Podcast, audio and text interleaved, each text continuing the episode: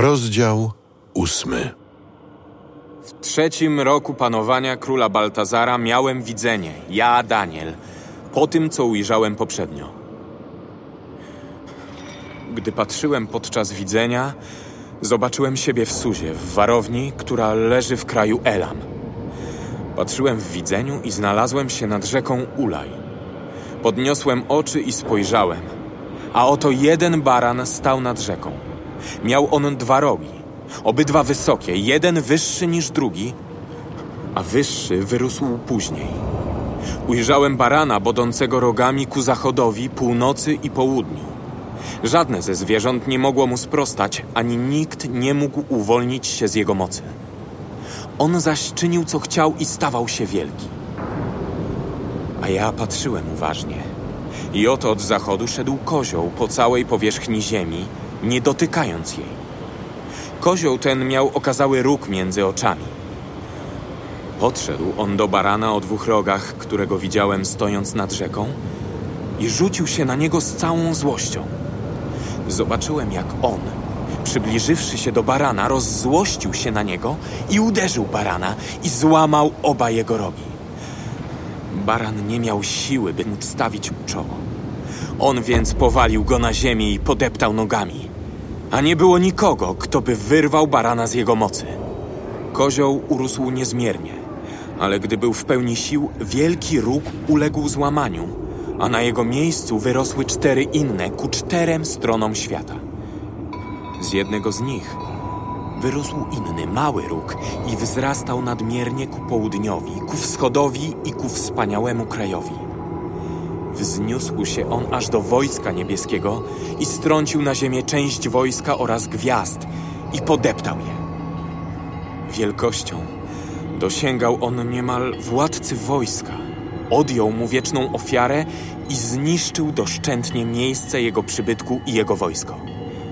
Jako codzienną ofiarę składał występek i prawdę rzucił na ziemię. Działał zaś skutecznie. I usłyszałem, że jeden ze świętych mówił, a drugi święty zapytał tego, który mówił: Jak długo potrwa widzenie? Wieczna ofiara, zgubna nieprawość, przybytek i podeptane wojsko.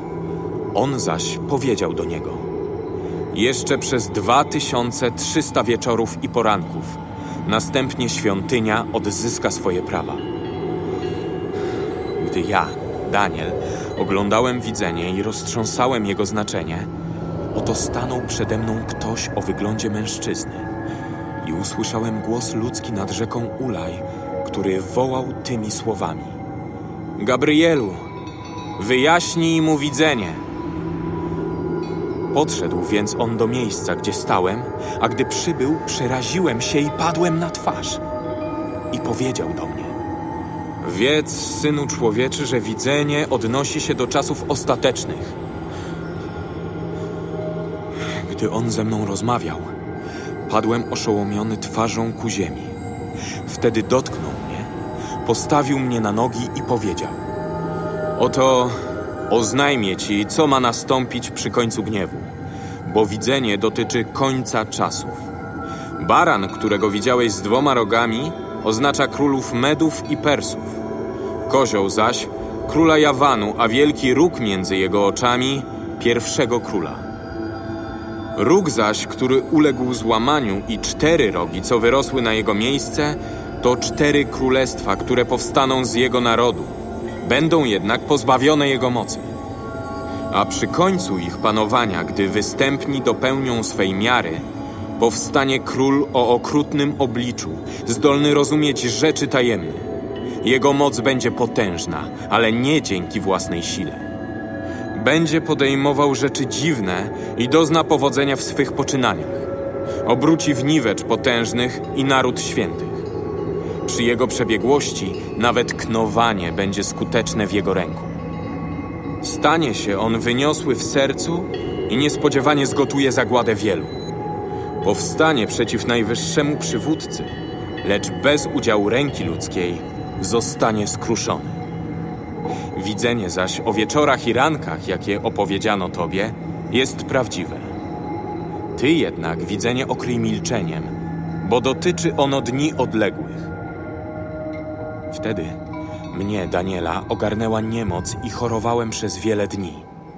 Następnie wstałem i załatwiałem sprawy królewskie. Byłem jednak poruszony widzeniem, gdyż nie mogłem go zrozumieć.